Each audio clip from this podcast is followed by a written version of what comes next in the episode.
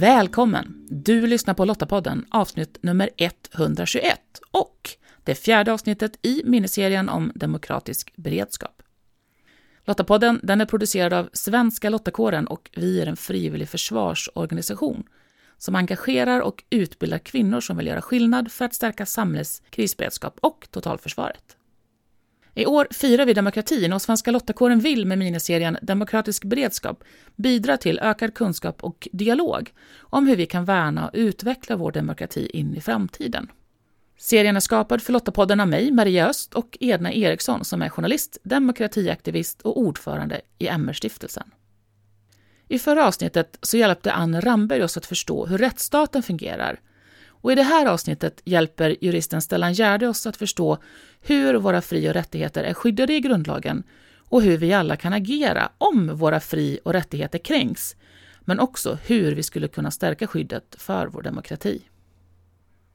Varför tycker du att vår demokrati är värd att försvara? Eh, ja, alltså man kan påstå så här att eh, Sverige som stat eh, numera grundar sig på att den är demokratisk och att människor har lika rätt. Alltså om det är så att man vill göra någonting annat så får man nog göra revolution eller på något sätt eh, gå till väpnat angrepp mot den här staten. För att jag tror att, jag tror att vi är så fast övertygade, den stora majoriteten i Sverige, att 80 procent är tydligt klart för att vi är en demokratisk stat. Och är det någon som vill göra någonting annat så bör man reagera i tid. Mm.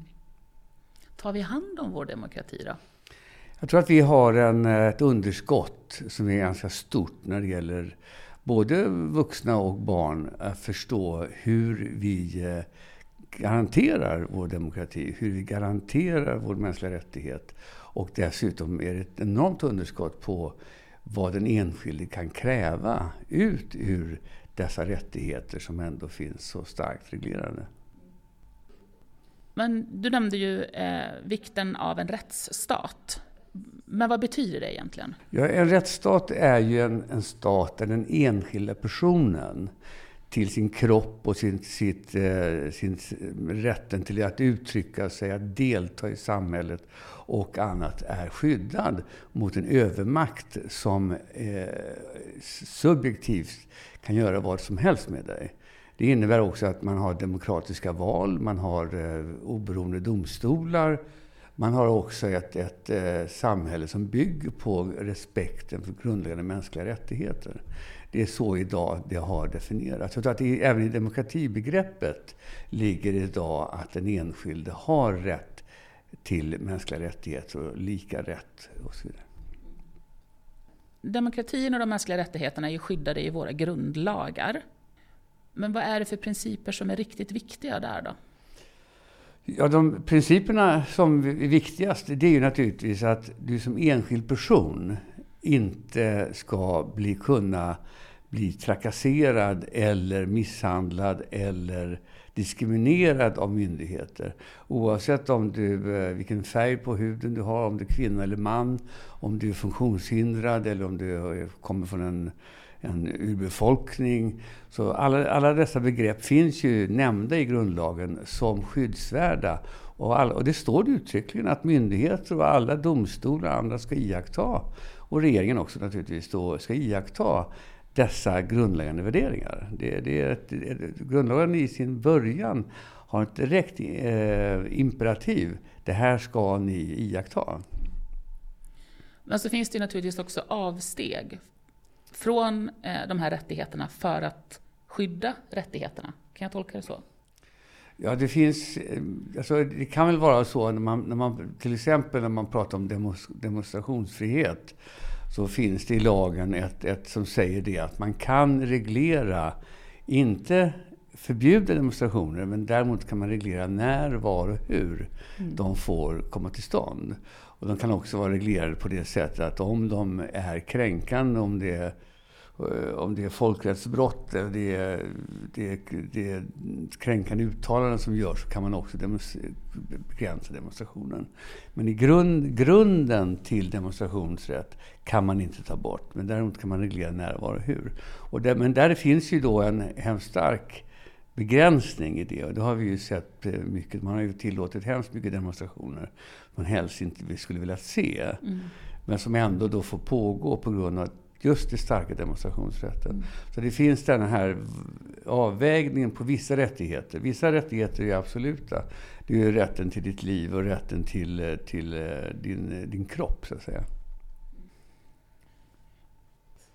En av våra grundläggande fri och rättigheter är ju föreningsfrihet.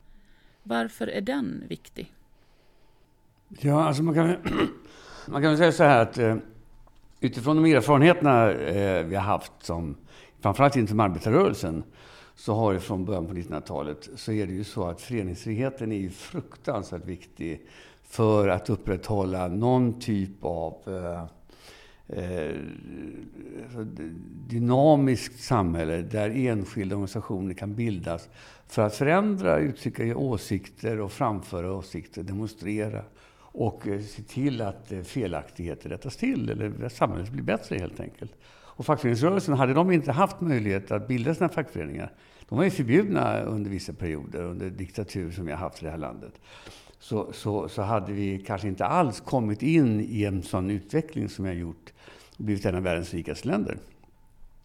Så, så, att på något sätt så, så är ju föreningsfriheten oerhört eh, omhuldad och omhändertagen på ett oerhört viktigt sätt. Och jag, jag tror att, och det, när man då börjar prata om att man ska begränsa föreningsfriheten så, ska man, så tittar man ju då på då, då säger ju enskilda så här, ja, om vi nu begränsar enskildas föreningsfrihet utifrån våra värderingar om demokrati och mänskliga rättigheter och annat, och så kommer en annan vind som blåser. Det kommer in högerextremare krafter i, i regeringen.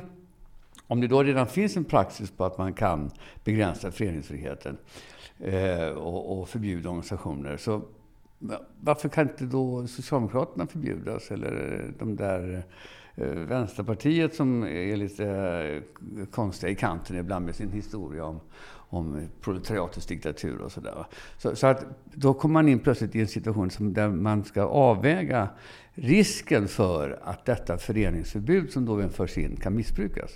Men det finns ju en bra eh Eh, i, I eh, 24 paragrafen i andra kapitlet regeringsformen så står det föreningsfriheten får begränsas endast när det gäller sammanslutningar vilkas verksamhet är av militär eller liknande natur. Och det, det är om man, det är den här skyddskårerna man hade på 30-talet, man, man, milisier som gick omkring. Vi hade hemskt mycket eh, uniformerade scouter, och uniformerade ungdomar. Alla partier hade sina egna ungdomskårer. På, lite, lite och marscherade med flaggor. Och det fanns en sån tradition. Och I Tyskland var det ännu värre, för där var de ju beväpnade dessutom. Så det, det man ju, vill man ju få bort då oerhört starkt efter andra världskriget.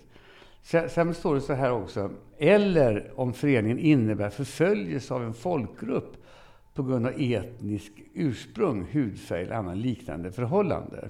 Det är här då som man har rättsligt sett prövat om det går att förbjuda en nazistisk organisation på den här grunden.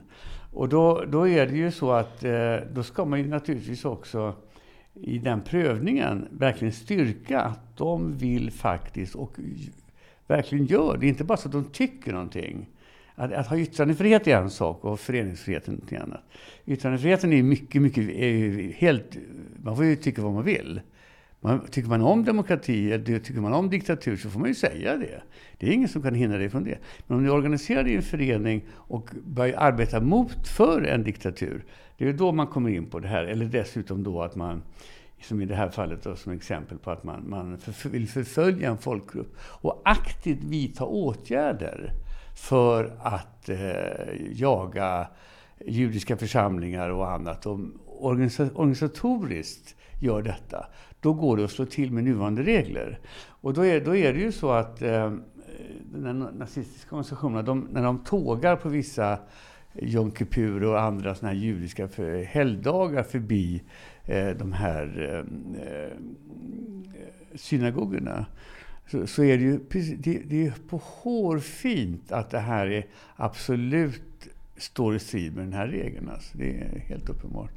Om de, men sen är det naturligtvis så att då ska man ju titta på stadgarna i föreningen. Vad, vad står det i stadgarna och hur arbetar man rent faktiskt? Och då är, då är det ju en prövning utifrån faktiska förhållanden. Vad har man gjort? Vad har man sagt? Och vad står det i målsättningarna? Och här har man då inte kommit så långt än att man har kommit fram till att en organisation är förbjuden utifrån detta. Just det. Så att Högsta domstolen och andra domstolar har ju sagt att för närvarande har det inte gått mm. att, att förbjuda på den här delen. För att det står i den här förbudet, den inskränkningen, den, den eh, håller inte riktigt när man ska sätta den i relation till rätten till föreningsrätten. Så föreningsrätten är så stark. Och det, på något sätt så kan man ju, man kan ju hoppas och då har ju, alltså, det, har ju, det här var ju på 70-talet när jag var politiskt aktiv i olika organisationer. Så sa man ju också det att, att det enda sättet för oss att ta hand om det här, det är att ta hand om de barnen och de kvinnorna och de männen som går in i det här. Och ungdomarna, att de inte varvas in i detta, utan samhället ska se till att de blir omhändertagna och införda i ett demokratiskt tänkande och, så, och ta avstånd från det här. Det är ett bättre sätt än att förbjuda.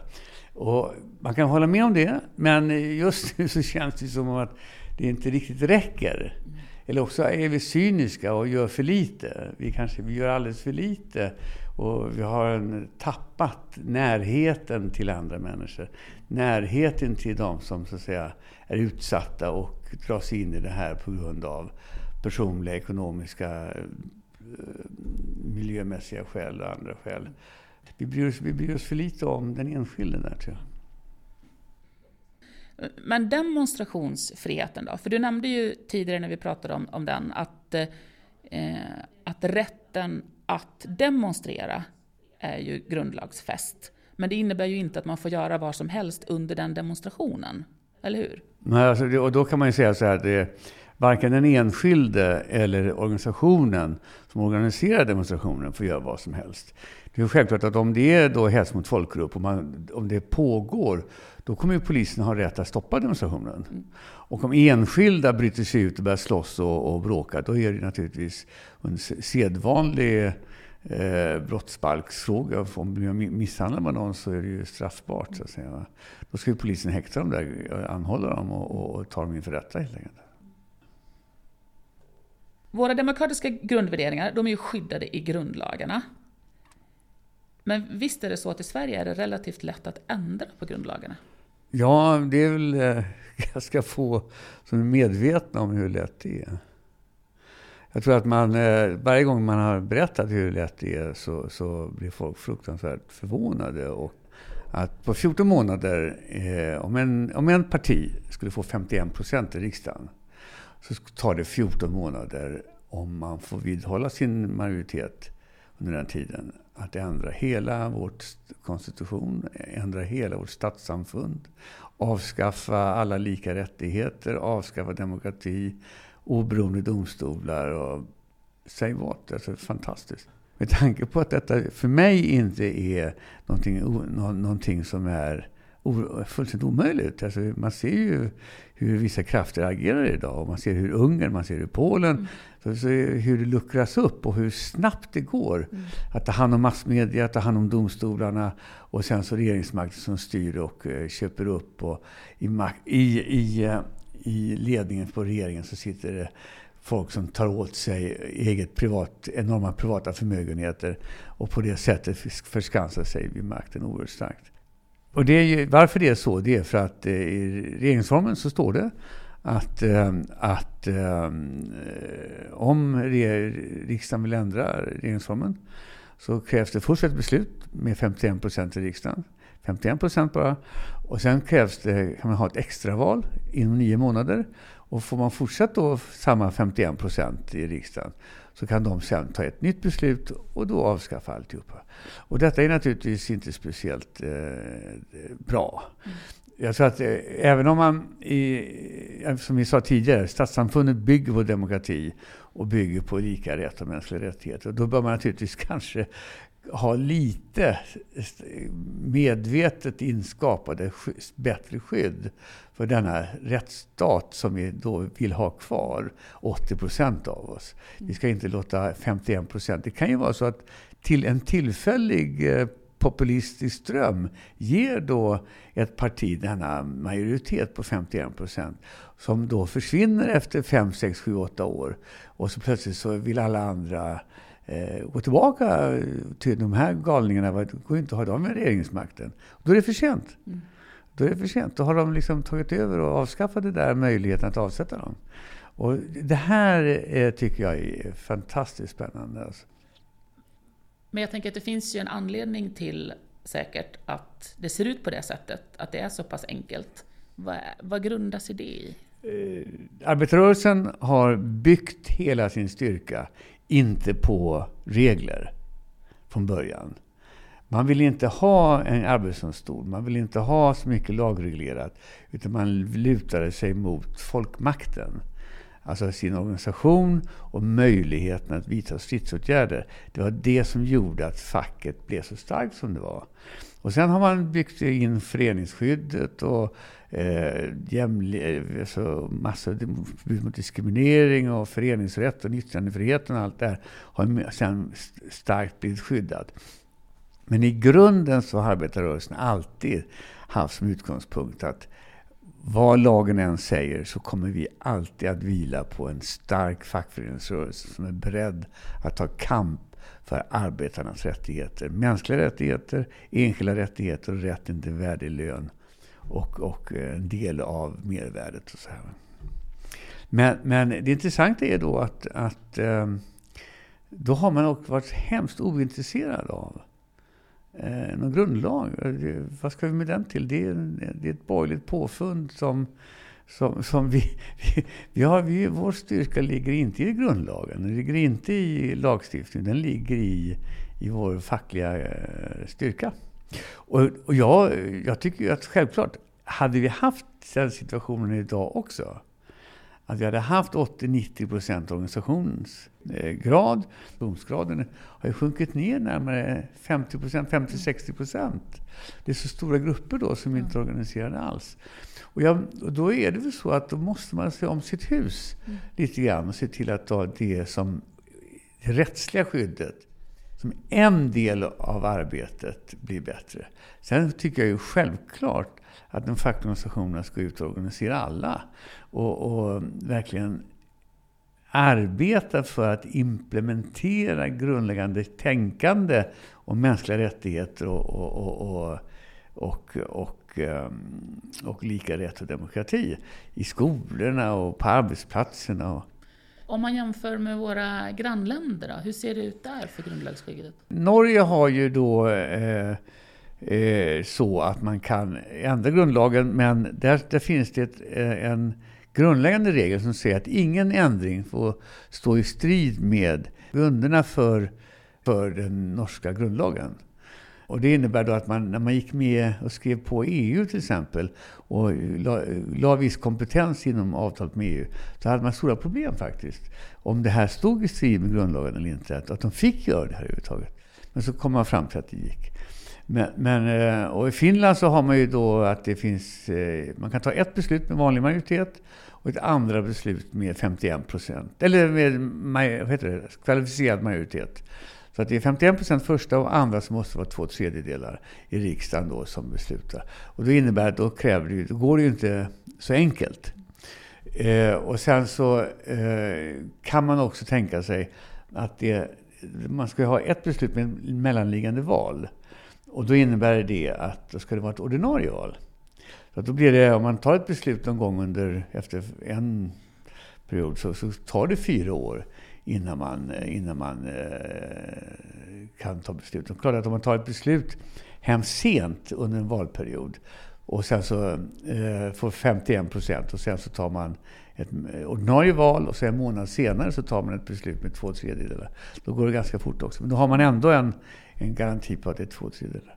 I Tyskland så har man ju ett förbud mot att inskränka demokrati och, lika, och, och mänskliga rättigheter överhuvudtaget. Det finns en, en förbudsparagraf att inga inskränkningar får göras vad gäller eh, statsskicket i, i Tyskland avseende demokrati och eh, mänskliga rättigheter. Okay. Och eh, när vi pratar... Och, och tyskarna har ju dessutom en, en intressant eh, regel som kanske kommer ut utifrån deras erfarenheter. Och det, det är det att om en eh, person upplever att, eh, han, han, att någon annan eh, försöker omväl, alltså gör, gör, en, gör en statskupp eller, eller försöker förändra staten till odemokratiskt så har den personen, ska den personen ha möjlighet att vidta alla åtgärder för att stoppa detta. Och naturligtvis ska han då i första hand använda sig av de rättsliga möjligheter som finns, att klaga, att gå till domstol. Men finns det inga sådana möjligheter, är de uttömda och det fortfarande pågår, då får man vidta andra åtgärder för att stoppa denna person som, som eh, vidtar åtgärder för att, förhindra, för, att, för, för, för att upphäva demokrati och lika rätt. Jag tror att vi, man kan diskutera det. Vad, vad, vilka, vilka roll, vilken roll har den enskilde mm. när detta uppstår? Alltså vad, vad har man för möjligheter att vidta åtgärder emot? Och jag, jag, jag, jag, har lite svårt att säga att, att våld är en eh, närliggande eh, möjlighet. Jag tror att den, den, eh, den tanken finns inte där. Men det är självklart om, man, om, man upp, om det uppstår en situation som på något sätt är så hemskt hotfull, så kan man fråga sig vad har den enskilde för rätt och för skyldighet att vidta åtgärder? Och i Sverige då? Vad har vi för möjligheter att, eh, att påverka om vi tycker att vi har fått en, en rättighet kränkt? Ja, alltså nu, nu pratar vi generellt nu i, för att om vi har ett hot från, från ett parti så har vi naturligtvis bara de vanliga demokratiska möjligheterna. Gå ut med demonstrera och och yttrandefrihet och tidningar och vi kan, eh, alltså om det är företrädare för ett parti som begår brott så ska man lämna in polisanmäla dem och sådär. Även om man, om man har en grundläggande rättighet, till exempel som att man har en rättighet att eh, inte diskrimineras. Det är väl den, mest, den tydligaste och viktigaste. Man har ju yttrandefrihet och man har ju demonstrationsfrihet och allt det här. Och de, de är ju de, de går ju självklart att pröva varje gång. Man, man, om man, man blir förhindrad av polisen eller annat att vidta någonting, eller att man blir förhindrad av en myndighet att yttra sig, så kan man gå till domstol och pröva det, det beslutet till förvaltningsdomstol normalt. Eh, men, men om du diskriminerar till exempel så ska du ha möjlighet att eh, väcka talan och, och du kan eh, naturligtvis kräva kompensation av den personen som har diskriminerat dig, din arbetsgivare eller någon företag eller något annat, så kan du kräva skadestånd. Får du inget skadestånd, ingen rättelse, så kan du gå till domstol. Mm.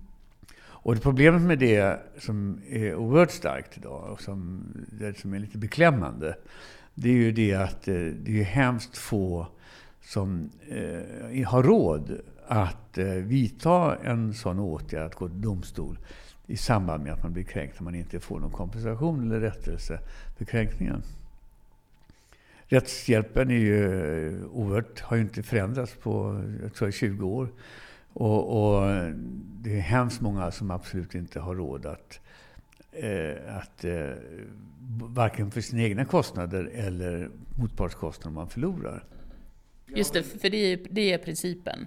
Att om jag väcker talan och förlorar, ja. då får jag betala Just hela det. kalaset. Ja, precis. Och då, eh, och då är det ju så att, eh, nu pratar jag om ett tvistemål alltså mellan mm. privata parter, inte brottmål. Eh, men men då är det ju så att vi anser ju att vissa grundläggande rättigheter, alltså nu pratar jag för organisationen Internationella juristkommissionen som har sitt program om rättsstaten Sverige. Då har vi diskuterat att vad man borde kunna kräva det är att vissa rättigheter, eh, på samma sätt som i brottmål, så får man ju en fri... Eh, om man ska bli dömd i Sverige och gå in till domstol, så är det, om inte hemskt små brott, så, så har man normalt rätt till en advokat. Eh, som då försvarar dig och staten betalar advokaten. Och förlorar du målet så kan du bli dömd för något brott. Men om du vinner målet så, så, så får din advokat betalas och motparten, åklagaren då, står ju samhället för. Man skulle kunna i vissa avseenden kunna definiera vissa rättigheter eh, lika skyddsvärda. Alltså vad, man, vad, vad man skyddar för den enskilde när han har anklagats för brott, det är ju att man skyddar hans rätt till en, en rättegång och en rättslig prövning och en likvärdig ställning mellan åklagaren och den, den, den som ska dömas. Så att de har samma förutsättningar för att göra sitt, till, komma till tals i domstolen.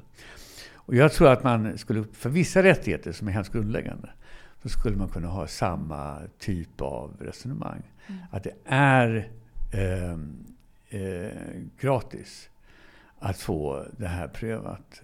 Och eh, om det inte är uppenbart att det inte föreligger någon kränkning från början. Mm. Men nuvarande systemet är... är alltså man, man, det finns alla konventioner, jag tror inte alla vet om det. Alla konventioner som innefattar internationella konventioner, Europakonventionen också, som innefattar rättigheter har en mycket tydlig uttalande att de rättigheter som är reglerade ska vara effektiva. Det innebär att då är det inte bara att man får en rätt, utan man ska också kunna göra sin rätt gällande. Och är det till, och till den ändan att om de, in, om de inte respekteras, så ska man också ha rätt att gå till domstol. Och man ska kunna gå till domstol eh, under ekonomiskt acceptabla förhållanden. Det är vad, vad alla internationella konventioner säger. Och vi, upprå, vi, vi, vi, vi iakttar inte det i Sverige. Men jag tänker ändå, vi har ju valen som grund till att vi väljer vilka som ska styra landet framåt. Men när man då är framröstad eh, i ett demokratiskt val och har makten, kan man göra vad som helst? Nej, absolut inte. Eh, och vad vi har just sagt om det här med men nämnde tidigare, att, att staten, regeringen och även riksdagen och alla myndigheter har ju... Det finns ett imperativ i grundlagen som säger att ni måste iaktta... Ni får inte... För, ni, allas lika rätt. Ni får inte diskriminera. Ni ska verka för eh, välståndet, alltså bostad, skola, eh, bra arbete och så vidare. Sjukvård, hälsa. Det finns alltså en, en målsättningsinriktning som är hemskt tydlig i grundlagen. Vad de här grabbarna har för uppgift. Och tjejerna. I grundlagen står ju också att kommunerna har självstyre. Mm. Men hur långt sträcker sig det egentligen? Ja, det, idag sträcker det sig ganska långt faktiskt. Och de, eh, det, som man, det som man kan eh, säga det är att det finns ju fall och där, där enskilda då har fått en dom på att de har en viss rättighet. Och, och, och det kanske då innebär en rättighet till en viss ersättning i social... social jag vet inte, det heter, heter socialbidrag fortfarande. Eh, Eh, och andra. Och då, och då kan det vara så att antingen att vissa kommuner fullständigt struntar i det där. De, eh, det kallas domstolstrots och det förekommer. Eh, sen, sen är det så att man, om en, om en kommun då har 100 personer som eh, är i samma situation och så är det en som klagar och får sin rätt. Då tillämpar kommunen den här rätten enligt ett dom för den personen. Men struntar i att göra det för de övriga. De har alltså behandlat medborgarna i kommunen olika. Och då, det, det, är också någon typ av domstolstrots på det sättet. Att, och det står i strid med kommunallagen.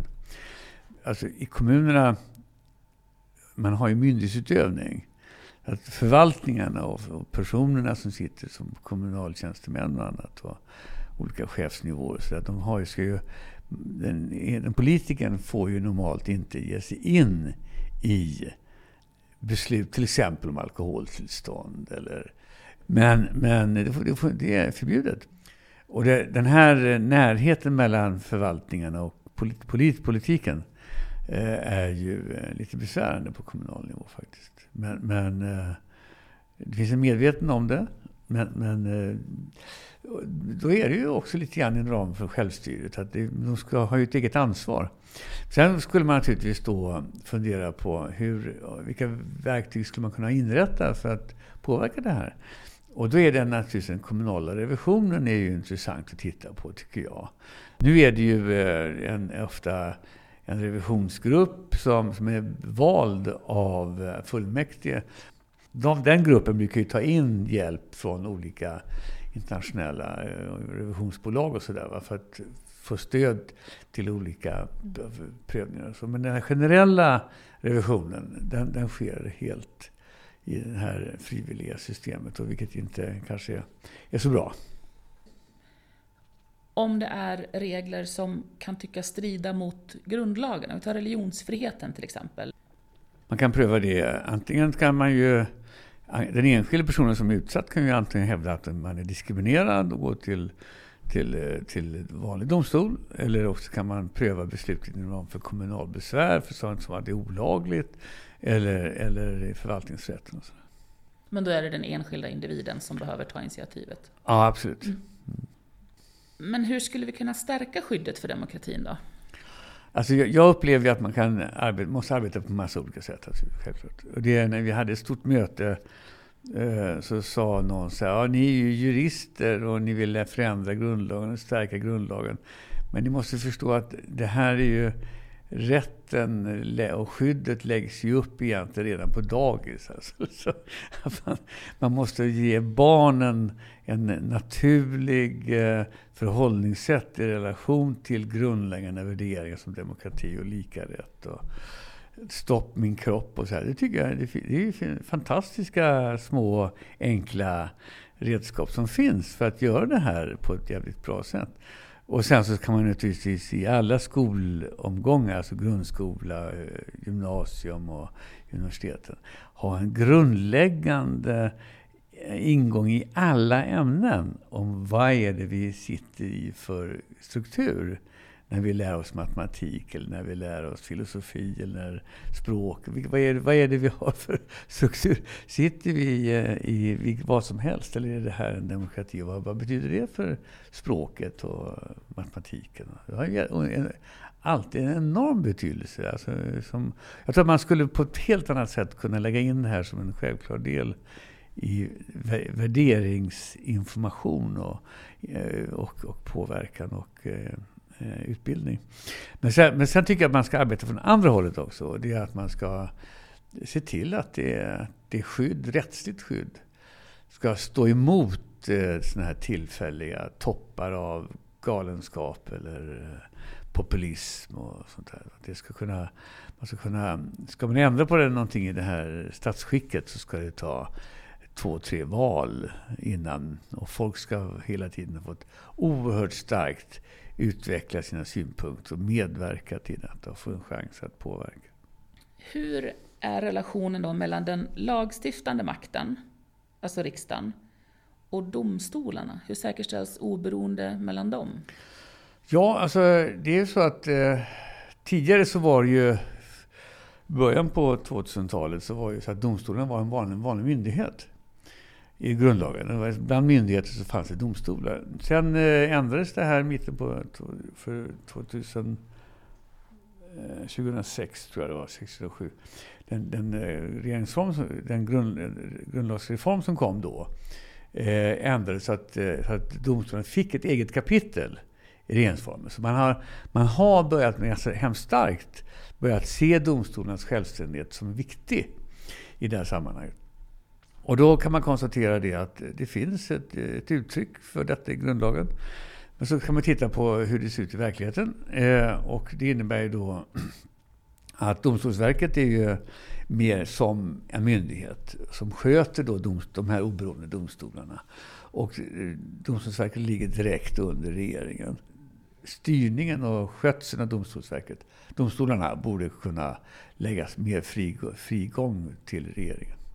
Sen har man naturligtvis det här med tillsättning av domare. Och det är, eh, regeringen tillsätter alla domare. Justitieråd, allting, hovrätter och tingsrätter, rubbet tillsätts av, av eh, regeringen. Och detta har då varit på diskussion eh, om hur detta egentligen ska gå till. För att det kanske, man behöver kanske en, en viss eh, markerat oberoende som man vill få infört. Och då har man infört något som kallas domarnämnden. Och domarnämnden är lagreglerad eh, som en vanlig lag eh, i riksdagen. Och går det att ändra med ett beslut till 51 procent så kan man avskaffa den där domarnämnden. Eh, så regeringen tycker att de är lite besvärliga, så kan man, om man då har majoritet i riksdagen så kan man ta bort dem. Och det, det, det finns ju exempel på det i andra länder som gör att man tycker att det är lite svagt. Eh, det borde kanske ha ett annat skydd. En domarnämnd som ska... Och idén bakom domarnämnden var att den skulle balansera regeringens makt. Man, man, man, har inte velat ta bort regeringsmakten att, att tillsätta domare. Men däremot så har man sagt att domarnämnden ska ge förslag på vilka domare som ska tillsättas. Och då har domarnämnden gett tre förslag och regeringen kan välja en av dem eller och ska egentligen vara begränsad till att välja en av de här tre. Och sen så har man kanske kommit fram till att det kan, kanske man borde begränsa det här till kanske till ett förslag. Och regeringen ska bara formellt stadfästa det här förslaget. Men det är inte infört än. Men då frågar man sig så här, vem tillsätter domarnämnden då? Alltså de, den makten, den nämnden som ska balansera regeringsmaktens utnämningsmakt. Vem tillsätter dem? Regeringen. Just det, regeringen tillsätter denna domarnämnd. Och det, det, det känns ju som att det där är inte så bra genomtänkt. Alltså om man nu ska införa någon form av oberoende och balans i systemet och sådär, och maktdelning och så, så, då kan man ju inte göra på det sättet. Det känns inte speciellt professionellt. Utan idén som vi, vi har föreslagit, Juristkommissionen har ju föreslagit att domarnämnden eh, ska läggas, eh, ska, ska grundlagsfästas. Den ska regleras som, som en, en, ett organ på samma sätt som JO och Riks, Riksrevisionsverket så kan man lägga också till domarnämnden. Domarnämnden hur, hur domarnämnden ska sammansättas ska också stå där. Eh, alltså, man kan representera hur många domare som ska vara där och som domstolarna nominerar. Det ska vara folk från riksdagen, det kanske är folk från advokatsamfundet. Och, så. och den fördelningen av ledamöter i domarnämnden ska då stå i grundlagen. Och är det så då att man förstärker grundlagen genom att man inte kan ändra det så lätt, så kan det här också innebära ett bra skydd för hur domstolarnas självständighet ser ut i framtiden. Så, så att eh, det tycker eh, jag är en mycket angelägen reform. Jag då, som, som inte är jurist eller politiker så, men ändå håller med om att demokrati och mänskliga rättigheter är, är värt att försvara. Vad kan jag som enskild människa göra? Min erfarenhet är ju det att vi har ju... Eh, eh, det finns en oerhörd stor kapacitet i Sverige att eh, gå in och vara aktiv i olika typer av organisationer eh, som arbetar nu för, för grundläggande rättigheter. Det, på funktionshinderområdet är det ju Alltså helt makalöst enorma mängder organisationer som gör ett jättebra jobb. Alltså. Och dessutom så på skolans område så finns det möjlighet att ta aktiv del i olika organisationer som på föräldraområdet finns det jättemycket organisationer som kämpar och slåss för en vettig skola. Och jag, jag tycker att man... man eh, jag, jag uppfattar ju på det sättet att vill man göra någonting så finns det jättegoda förutsättningar för det. Och sen, sen tycker jag ju då självklart att de organisationerna som arbetar på det här området kanske ska vässa sig lite och kanske också ska hjälpa till att skapa förutsättningar för att enskilda vars rättigheter kränks får möjlighet att vidta åtgärder.